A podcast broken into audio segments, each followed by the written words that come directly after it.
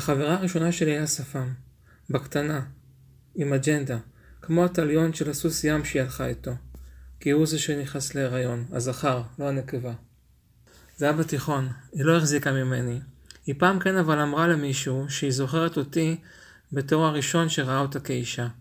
לא בעירום, היא גם לא נתנה. ביחס. בלראות. בזה שהבאתי לה פרח. שאמרתי לה שהיא יפה. ככה אני אוהב אותן אחי. לא נשיות, חושבות, מצחיקות. זה הכי יפה בעיניי. היא גילתה לי את זה. והמשפט שאורי קליין כתב לפני המון שנים על אודרי הבורן, שהפנים שלה הם אירוע, אז זה נכון גם עליה. שנינו היינו במגמה הכימית, ושמו אותנו באותה כיתה עם הספרותים ואנשי התיאטרון, והיא, שהייתה חריפה מכולם ביחד, ושהתגעגעה כל כך לאח שלה ששירת בלבנון, רצתה מאוד שהם יקבלו אותה. היא הדליקה את האורות בהצגות שלהם וכיבתה. אני זוכר אותה קורנת מזה. לקח שנה ומשהו עד שהיא שמה לב אליי. בערב הראשון שהיא באה אליי הביתה, ההורים שלי יצאו, ואני זוכר עד היום את הריח של השיער שלה. הריח הכי טוב בעולם. אני חושב שזה היה השיא של החיים שלי הערב ההוא. לא שמאז לא היו עוד דברים יפים שקרו לי, אבל תמיד התלווה אליהם עצב שדברים אחרים נגמרו. העולם שניתן לי נלקח, וזה העיב מעל. אבל אז, בתיכון, זה לא היה ככה. קינאתי בה, במה שהיא לבשה ומה שהיא שמעה, בבית שלה, בכלבת לברדור שהייתה לה, בקשר של הוריה, לאמא שלה היה סרטן השד, בקשר הקרוב שהיה לה עם אחי הגדול, בעקבות מחלת אמה. הוא קנה לה ספרים של יורם טהרלב, הנשיקה הראשונה, הנשיקה השנייה, וכתב לה הקדשות, והיא קנתה לו בגדים. כשחיכיתי לה והיא עוד לא הייתה שלי, רציתי שנצא כל המשפחה פעם בשבוע למסעדה ונדבר ונהנה, ועשינו את זה, כי ככה המשפחה שלה עשתה, ורציתי שתהיה לי משפחה כמו שלה. בגלל זה בי"ב הבאתי הביתה כלבה, את לייקה, שהייתה רק פינצ'רית, שלא נכנסה הביתה. היו לנו רגעים יפים, קרובים כאלה, שבהם התחבקנו חזק ואמרתי לה שהיא יפה והיא אמרה לי, וכאילו היינו באותו צד. הייתי צריך לעצום את העיניים כשהייתה מורידה את הג'ינס ונכנסת לטרנינג שלי, וזה היה הדבר הכי מסעיר בעולם. עשינו גם את כל הטעויות האפשריות, אני עם הרגישות וחוסר הביטחון, והיא עם הציניות שלה שצלפה בי והשאירה אותי כל פעם פגוע ונקמני. בסוף אח שלה חזר הביתה מהנחל, ואיכשהו גם נגמר הקשר. לפני כמה שנים היה לנו מפגש איחוד כזה, בבית קפה בדיזינגוף פינת ז'בוטינסקי, מקום עם הרבה זכוכיות. שני אנשים בני 30 פלוס, הפנים שלה לא השתנו כמעט, לא היה יותר שפם. אולי איזה גבר אמר משהו בסוף, אבל הציפורניים היו שחורות. נתתי לה שיר שכתבתי עליה, על איך שהיא הולכת, שאני מזהה את זה ברחוב גם בלי לראות שזה היא.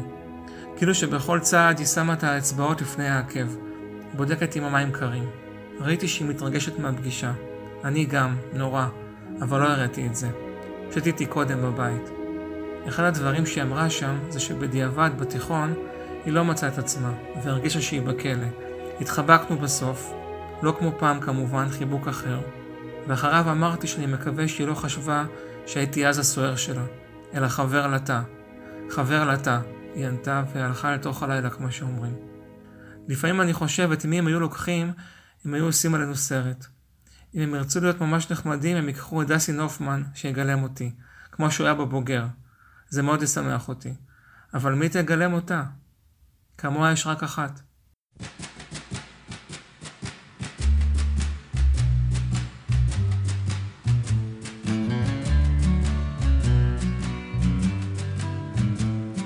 They say forever, boy and girl, they're just one love in this world, and I know I found mine.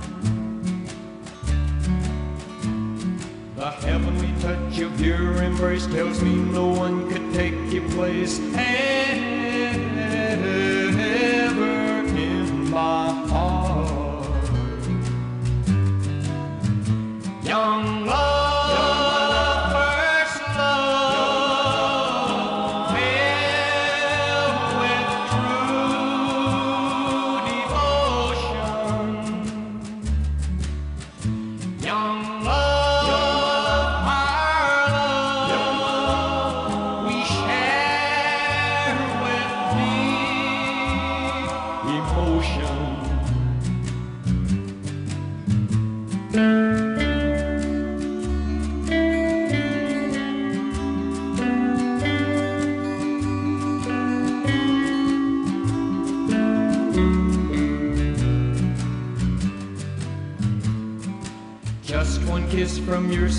lips will tell me that your love is real, and I can feel that it's true. We will vow to one another there will never be another love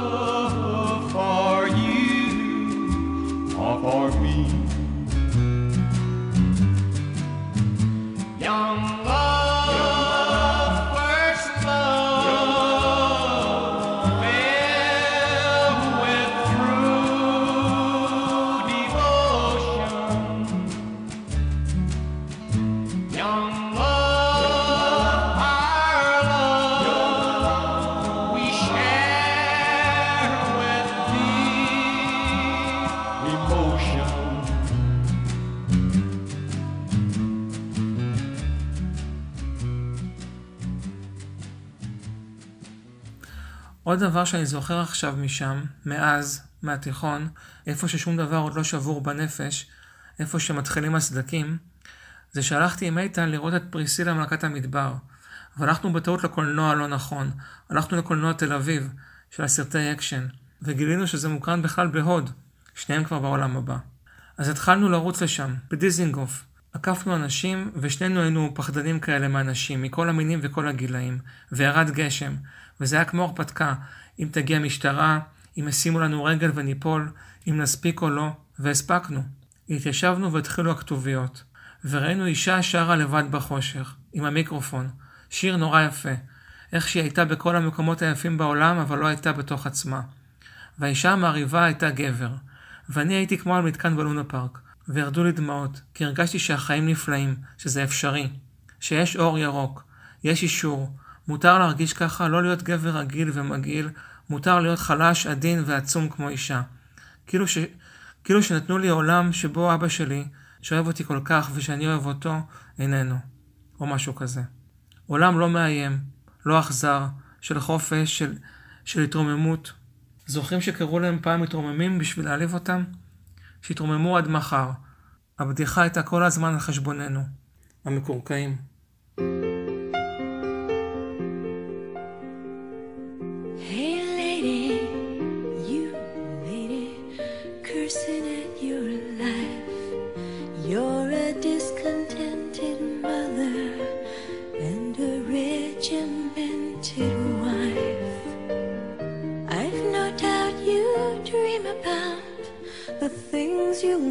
never do, but I wish someone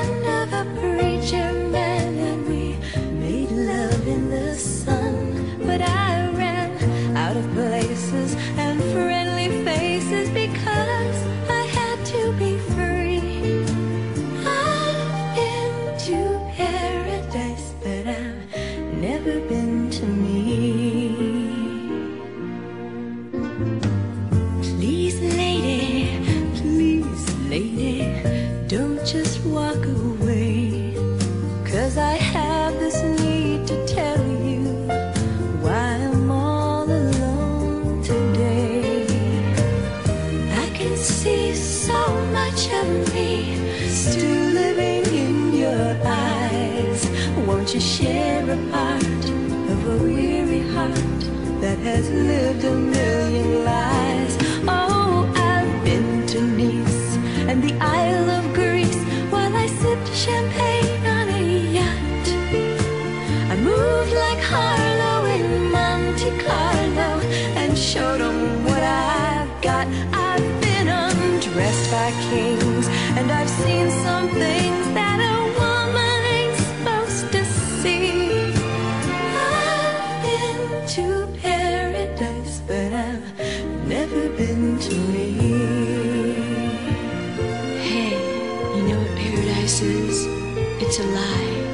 fantasy we create about people and places as we'd like them to be.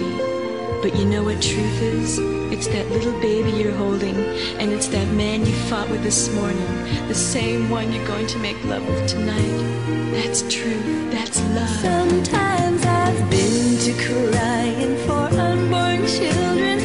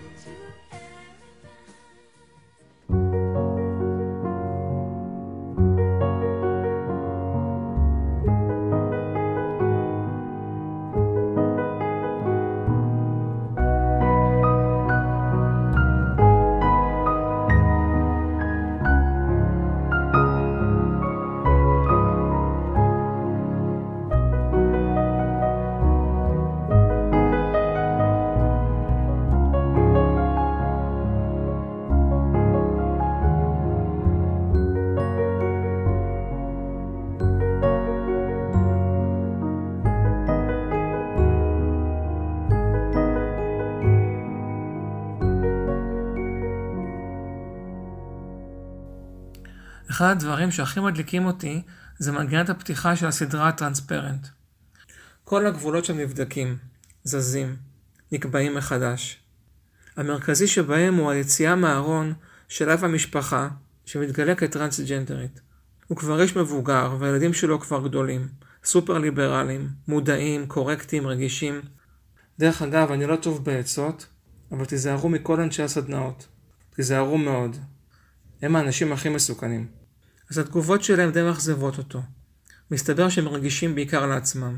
ככה שיוצא שחוץ מלצאת החוצה במקום שהכי יקר לו, ולהכריז על מי שהוא היה והסתיר כל השנים, הורה טרנסי, הוא גם שקוף. לכן הסדרה נקראת ככה. וזה לא רק הוא, כל הדמויות מרגישות ככה במגרש המשחקים המשפחתי. ועל זה הסדרה הזאת אני חושב. על מקום הקיום הטבעי שלנו, שהיה אמור להיות המקום הכי בטוח בשבילנו, שהופך מדי פעם דווקא לשדה הקטל שלנו. אני מכיר מישהי שגדלה בקיבוץ, בבית הילדים, שהייתה רואה את המשפחה שלה רק בארוחת ערב, והיא חלמה שפעם אחת הם יחטפו אותה הביתה, לתמיד. עד היום אני חושב שהיא מחכה שזה יקרה, שכל האהבה הזאת שלא הייתה, תבוא. בכתוביות הפתיחה מראים צילומי וידאו ישנים מאיזו חגיגה, שמחה, בר מצווה אולי, והרעיון הזה שם, אותו מקום, הגבולות, העיוורון, המחיקה, והרגעים הנדירים שבהם אפשר לפרוח ולחיות את החיים שייחלנו לעצמנו. שומעים את זה במנגינה. הנה, תשמעו עוד פעם בעצמכם.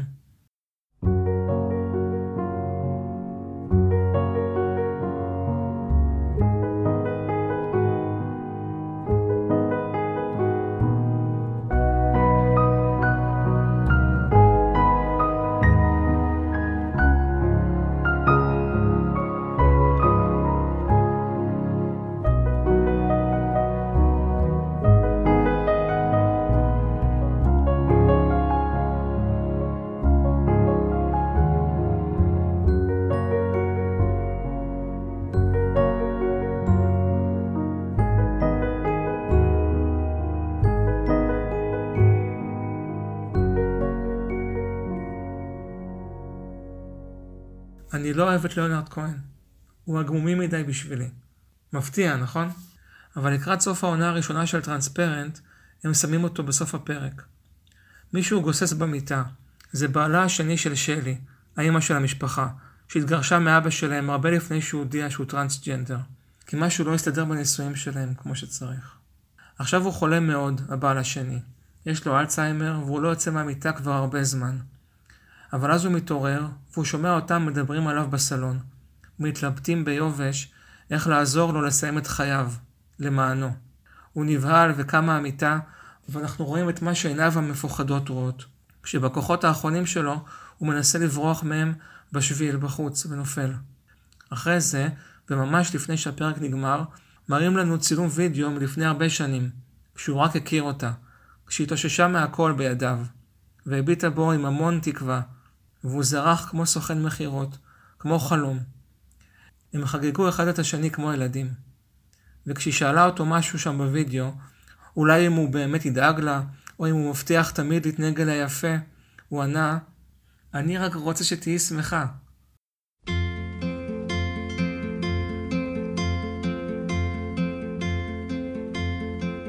I loved you in the morning, kisses deep and warm, your hair upon the pillow like a sleepy golden storm. Yes, many love before us. I know that we are not new in city and in forest. They smiled like me and you, but now it's come to distances, and both of us must try. Your eyes are soft with sorrow. Hey, that's no way to say goodbye.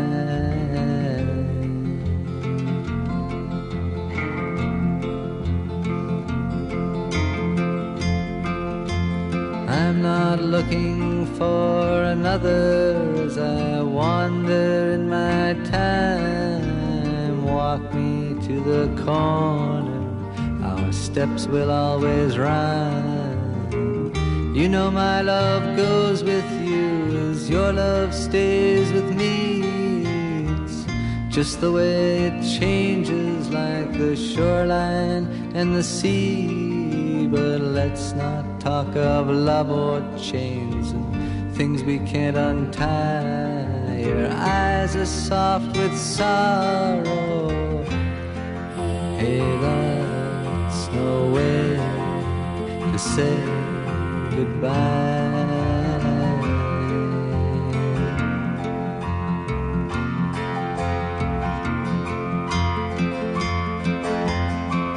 I loved you in the morning, our kisses deep and warm, your head on the pillow like a sleepy golden storm. Many love before us. I know that we are not new in city and in forest. They smiled like me and you, but let's not talk of love or chains and things we can't untie. Your eyes are soft with sorrow. Hey, that's no way to say goodbye.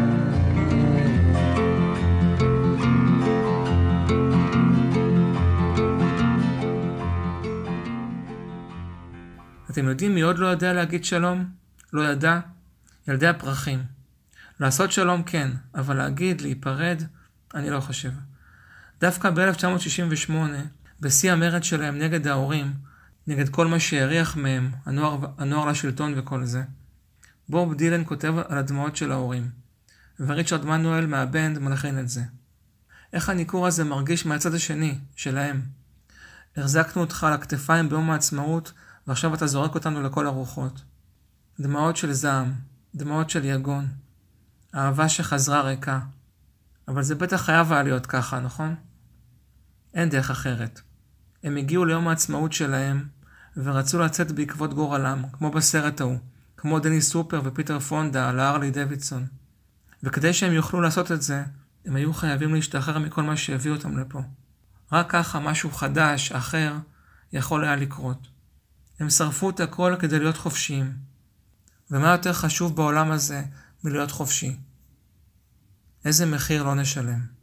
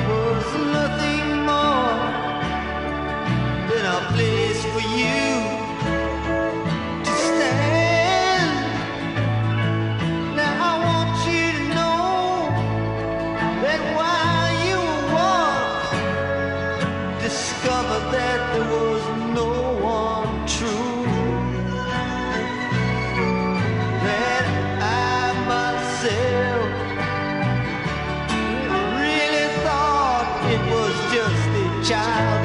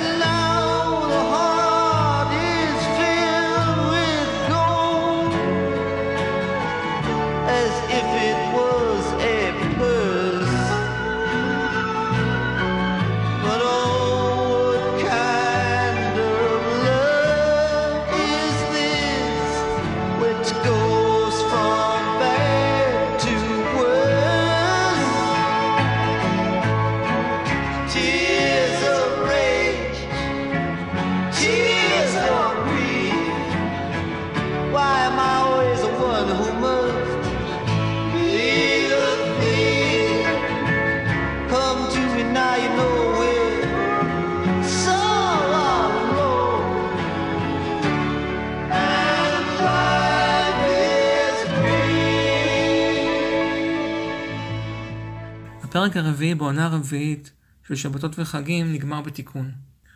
אני לא זוכר אותו במדויק, אבל אני זוכר שדרור קרן בן 30 ומשהו, ואבא שלו מגלה שהוא חולה, ושלא נשאר לו הרבה זמן. כל הסדרה הם מתווכחים ומתרחקים, ועכשיו הקשר ביניהם הולך לקראת הסוף שלו. ובסוף הפרק הם עולים שניהם על אופנוע, אופנוע אחד. והם, והם, אבא, והם אבא ובן שנוסעים ברחובות ביחד, כמו שני חברים. כמו שני האלה מאדם בעקבות גורלו. והבן כבר לא רוצה לשרוף שום דבר ולהרוס ולנפץ, רק לשמור עוד קצת על זה שיש לו אבא, שמיים מעל הראש, לפני שהם נופלים. השמש שקעה ואש ברקע את זה.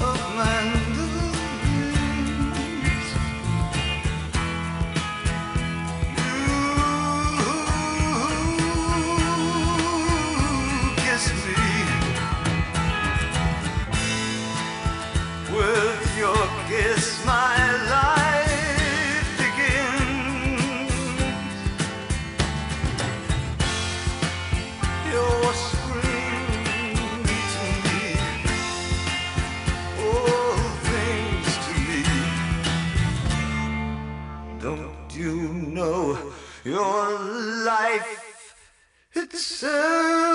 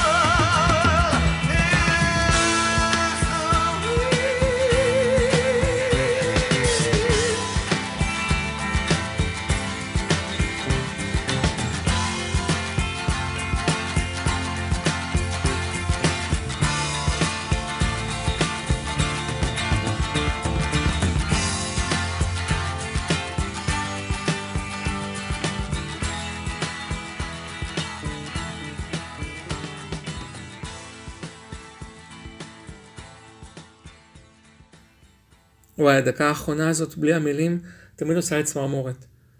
זו תוספת של דויד בוי, שהוא גם שם בהתחלה, שאיתה הוא מרים את השיר הזה כל כך גבוה. אין את זה לדעתי בשיר המקורי. אני שומע בה את הנואשות לדבר שבלעדיו אין טעם להישאר בחיים. מה אתם שומעים בה? לי גם הזכירה החלום שהיה לי פעם. חלמתי על איתן, החבר הכי טוב שהיה לי, שקפץ אל מותו מגג של בניין לפני עשרים שנה. הוא היה בן 21, מיואש, בדיכאון, בכאבים, שלם ונחוש לשים קץ לגיהנום שעבר עליו בשלוש שנים האחרונות. ואני חושב שהוא הצליח בזה. לאמיתו של דבר, כמו שאומרים, וכמו איתן, גם החיים שלי לא המריאו מאז. חזרתי באותה תקופה של החלום לחדר שלי אצל הוריי, בלי אהבה ועבודה וודאות, חוץ מכלפי העתיד שצריך לפחד ממנו. המון שעות שינה, סרטים אינסופיים ושאיפות שנדחו הרכיבו את החיים שלי. אני זוכר קצת מהחלום הזה. הוא התרחש בבית ספר יסודי, נדמה לי, במגרשי הילדות, אבל היינו בגילנו. תמיד בחלומות איתן לא נחמד אליי. אולי כי שכבתי אחרי שהוא מת עם האישה שהוא רצה. אולי כי לא הייתי שם בשבילו כשהמצב שלו התחיל להידרדר. הוא תמיד עם פנים זועפות כאלה, אטום ומתעלם ממני. אני צריך, אני צריך לרדוף אחריו, ועל חיוך בחלום אני יכול רק לחלום. אבל הפעם בילינו זמן יחד, כמו פעם, בחיים. אני לא זוכר את פרטי החלום, אולי מרוב עונג, אולי רצנו במגרשים אחרי כדור. ריחפנו כמו רוחות מהירות וילדותיות שמאוהבות בחברות שלהן. עברנו ממישור למישור במדרגות, מנותקים מהעולם, משקיפים עליו, מתבצרים במרחב. מבינים אחד את השני, לא בודדים, נזכרים מה זה חבר, מה זה אומר, כמה ביטחון זה מעניק, כמה אושר פשוט. אולי לא היו פרטים בחלום, או שאולי הם היו, אבל הם לא היו חשובים. חבל שאני לא יכול להיזכר בהם עכשיו ואני צריך אותם. אני כן זוכר את סוף החלום אבל. איתן מבין שאני צריך להתעורר וללכת, והוא נותן לי מתנת פרידה. היא עטופה במעטפה של מכתב, כמו אלה שפעם כתבנו אחד לשני כשהיינו ילדים, למרות שהתראינו כל יום. תמיד תהיה חבר שלי, כתבנו שם. מה דעתך לגור יחד כשנהיה גדולים? ציירנו את הבניין, את המרפסת. יהיה לנו חתול או כלב? כלב עדיף, לא? הפעם הייתה במעטפה מתנה ששמחתי מאוד לקבל, שחורה ומבריקה, כדי שנשמור על קשר ולא נאבד יותר אחד לשני. איתן קנה לי אקדח.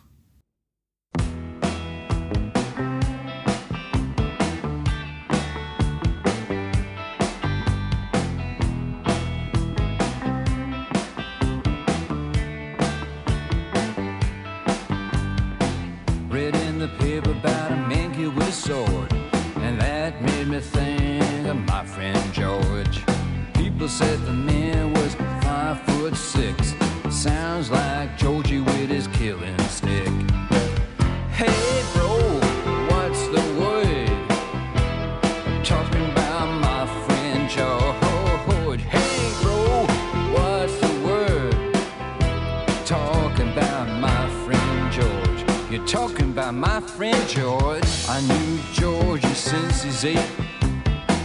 I always thought that he was great. And anything that George would do, you know that I would do it too. George liked music and George liked to fight. He worked out in a downtown gym every night.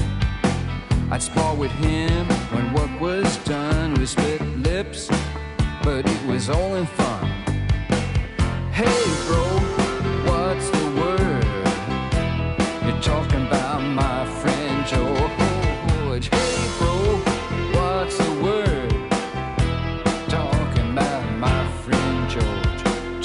About my friend George. Next thing I hear, George has got this stick. He's using it for more than kicks. I seen him down at Smalley's bar. He was wired up. I tried to calm him down. Avenge yourself, he says to me. Avenge yourself for humanity. Avenge yourself for the weak and the poor. Stick it to these guys right through their heads. No, the fight is my music and the stick is my sword, and you know that I love you so. Please don't say a word, can't you hear the music playing? The anthem, it's my call, and the last I seen of Georgie was him running through the door. Says,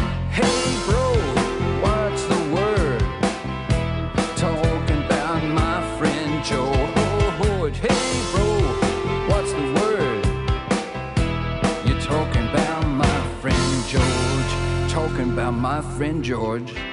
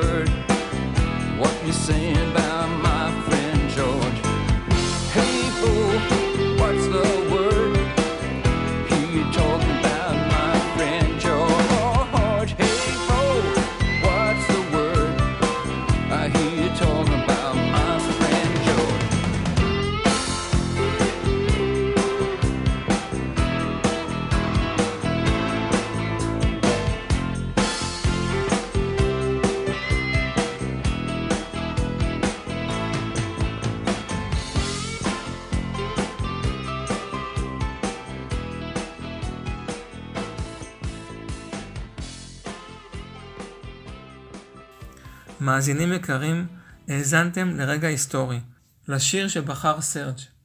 מעכשיו, סרג' יבחר שיר אחד בכל תוכנית, והוא בחר בשיר הזה של לוריד, ששר על חבר שלו, ג'ורג', שמזכיר לו משהו שהוא שכח, שהוא רוצה לזכור.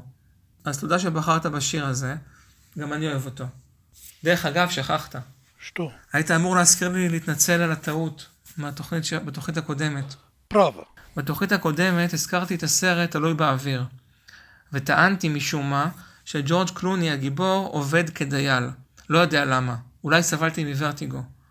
אז לא, הוא לא דייל, הוא האיש שקוראים לו כדי לבצע תוכניות התייעלות בכל מיני חברות. הוא האיש שמפטר אנשים. ולכן הוא טס כל הזמן, כי יש לו הרבה עבודה. הנה עכשיו הוא טס לפטר מישהו. איפשהו.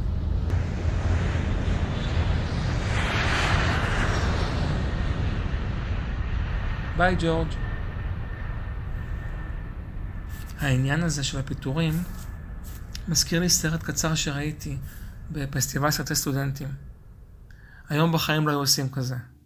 זה היה על תיכוניסטית, שיום אחד חבר שלה, שגדול ממנה בכמה שנים, שהוא סטודנט אני חושב, לא עונה לה בפלאפון. קוראים לה אתי נדמה לי. והיא בלחץ שהוא לא עונה. וחברה שלה, מרגי נגיד, מנסה להרגיע אותה, שאולי הוא ישן, או כל מיני דברים היא אומרת שיכולים להיות. ואתי באטרף, כל דקה היא מתקשרת אליו והוא לא עונה. היא מגיעה לתא קולי. אז היא עוזבת את השיעור באמצע, או את המבחן, היא זורקת אותו לפח, ככה מול הפנים של המורה, היא לא נחמדה אתי. והיא עולה על אוטובוס, והיא נוסעת אליו, וכל כמה דקות היא מתקשרת אליו, ואין תשובה, רק תא קולי, עם קול כזה של אישה אסרטיבית. וכל הסרט יש רק נשים, אין אף גבר בסרט. מהאוטובוס היא עוברת לרכבת, ואין לה מספיק כסף, אז כשבאה הכרטיסנית, היא מתחבאת בשירותים, ומהרכבת היא עוברת לעוד אוטובוס. הוא גר בדרום, בירוחם, וזאת נסיעה ארוכה, כמו מסע כזה שהיא עושה אליו. ופעם אחת שהיא מתקשרת, אין מזכירה, ונדמה לה שהנה הנה עונים. אבל לא עונים לה, מנתקים. ונהיה כבר ערב, ונגמרה לה הבטריה, והיא מגיעה לבניין שלו, וגם אז היא לא רואה אותו, כי אמא שלו, יורדת אליה, ומאיימת עליה שתעוף משם, שתעזוב אותו. ואתי לא מוותרת, אין לה אלוהים, אז היא מרביצה לה, והן הולכות מכות, ומגיעה משטרה, והשוטרת עוצרת אותה, כי יש רק נשים בסרט הזה. ובתחנת משטרה בודקים משהו במחשב, והם בשוק. והשוטרת ניגשת אליה עמומה, ואומרת לה, 800 פעם? מי שווה שיתקשרו אליו כל כך הרבה? אבל אתי לא עונה. היא כאילו נגמרה. ואז חברה שלה מרגי מגיעה לשם עם אחותה הגדולה שהוציאה רישיון, והיא משחררת אותה משם. אחרי שהיא נשבעת במקום אתי, בשבילה שהיא לא תטריד אותו יותר. כי עם אתי אין מה לדבר. הן נכנסות לאוטו באמצע הלילה והן עוברות באיזה רחוב, ואתי מוציאה את הראש מהחלון וצועקת לאחד החלונות החשוכים. לירון, אני אוהבת אותך!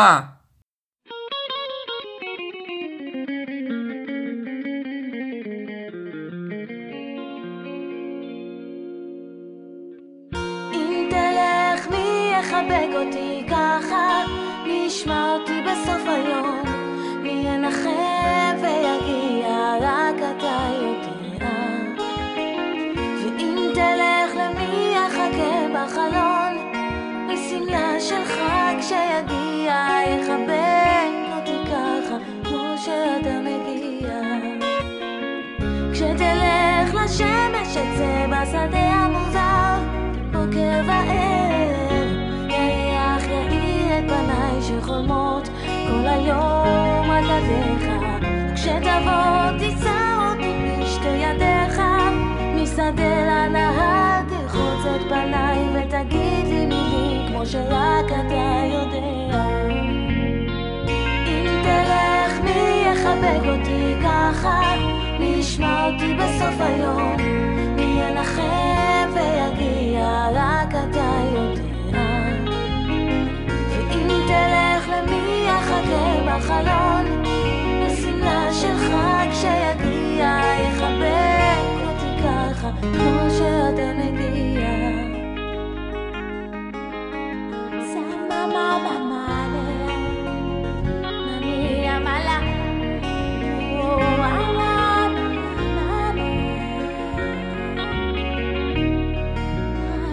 ואז יש כת, ורואים אותן לפנות בוקר, נוסעות בשממה, כמו במדבר, הביתה. והעיניים של אתי מלאות דמעות, והלחיים, היא מתפרקת. מרקי חברה שלה ישנה לידה, ואתי רואה משהו בחלון, בחוץ, והיא לא יכולה להוריד מזה את העיניים. היא כאילו ממוגנטת לזה. כאילו שהיא נורא צמאה מכל מה שקרה והיא ראתה מים או משהו כזה. כאילו שהיא ראתה את היהלום שהיא חיפשה כל המסע שלה, שלקח ממנה כל כך הרבה. והדבר האחרון שרואים בסרט זה את מה שהיא רואה. זה בדואי שהולך, וכמה מטרים מאחוריו הולכת האישה שלו.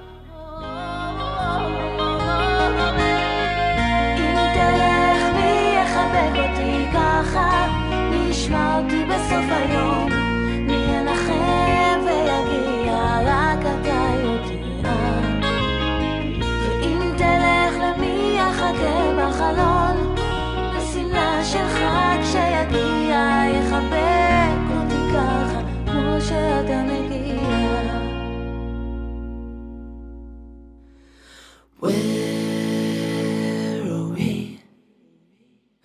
What the hell is going on?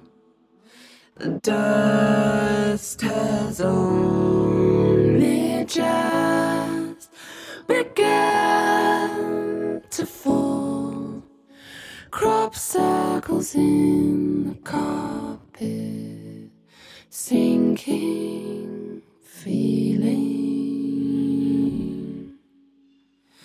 been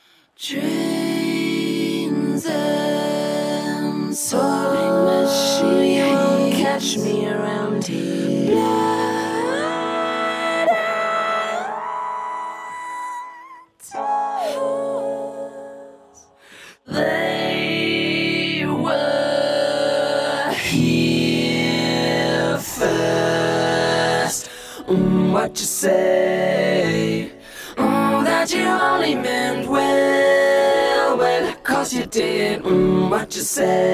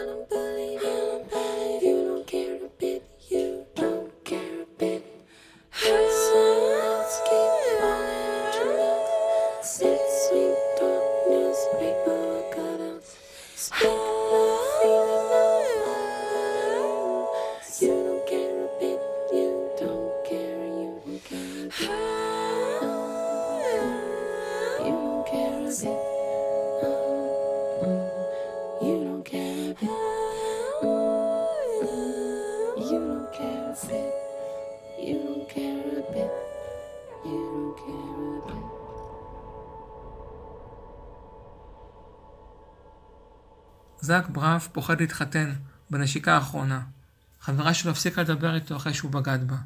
הוא מנסה להבין מה קרה, משם השיר. מפחיד לתת למישהו להתקרב, נכון? אולי שתינו, ואנחנו עושים שטויות, ואנחנו מכניסים סוס טרויאני פנימה לקודש הקודשים.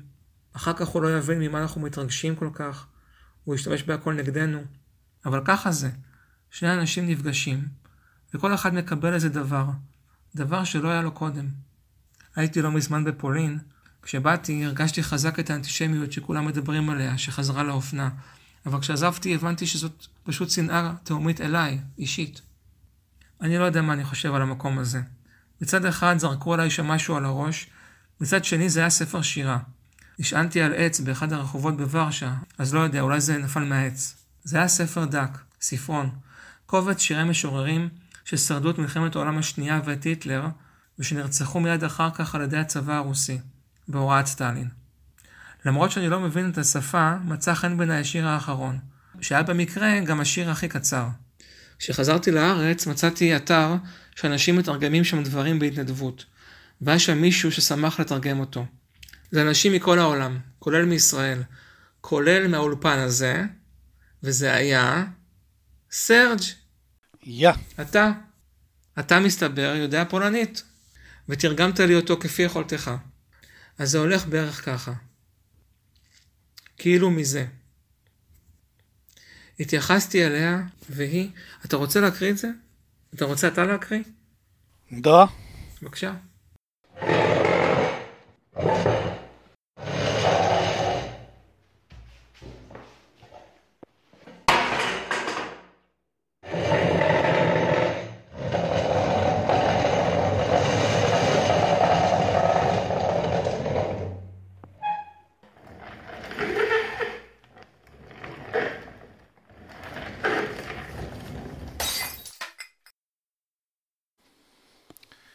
כאילו מזה, מאת סלבומיר גומברוביץ'. התייחסתי אליה והיא אליי, ואור נדלק בבניין ליד, כאילו מזה.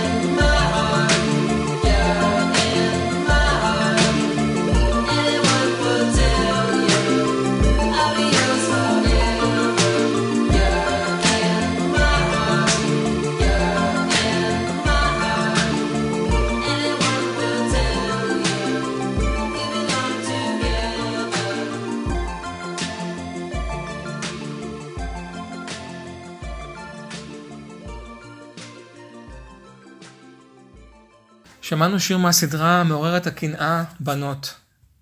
ואיכשהו שוב זה קרה, והגענו לסוף התוכנית. שהנושא שלה לא היה לגמרי ברור. אולי הייתה על אהבה, או אולי על חופש. שלפעמים הם אותו דבר, ולפעמים הם לא. הם ההפך. תודה סרג' על העזרה, האהבה והחופש. פז'לסטה. כל מה שאני אומר על אהבה צריך לקחת בערבון מוגבל, כי איבדתי אותה. אבל האהבה בעיניי היא ממלכה נסתרת, אי אפשר להחזיק אותה. האויבת הגדולה ביותר שלה היא המציאות. ראיתם את ממפרת החושים? ראיתם את ממלכת אור הירח של ווס אנדרסון? אני הולך לכל סרט שלו פעמיים. זה קורה על אי קטן, וזה על שני ילדים מחוץ לעדר. הוא לא מצא הורים מאמצים שאוהבו אותו, והיא לא מצאה הורים ביולוגיים שאוהבו אותה. הם מתאהבים, ובורחים למקום סודי, חוף קטן, שבו הם רוקדים כמו משוגעים וצדים דגים, ובלילות היא קוראת לו ספרי פנטזיה. אבל כולם האי מחפשים אותם, והם בורחים מהם, בצדק, יש להם משהו שאין לאף אחד אחר. ויש גם מבול שהולך ומתקרב, ושגם מגיע ושוטף את כל האי, והם בסכנה, סכנת חיים. והקהילה מצילה אותם ממוות, ואחר כך הקהילה גם מתחילה לדאוג להם. הילד מוצא בית אצל איש שמבין אותו, וההורים שלה השתפרו כנראה, ואולי יפסיקו להילחם זה בזה, ויראו אותה יותר. סוף טוב, נכון? אז למה בסוף, אחרי שקוראים לה לרדת לאכול, והם נפרדים בחדר שלה, ואומרים שהם יתראו מחר, מראים לנו את הציור שהיא ציירה. היא ציירה חוף קטן, את המקום הסודי, את הממלכה שלהם. למה היא הייתה צריכה לצייר אותה? מה קרה לה, לממלכה? למה זה השיר האחרון ששומעים?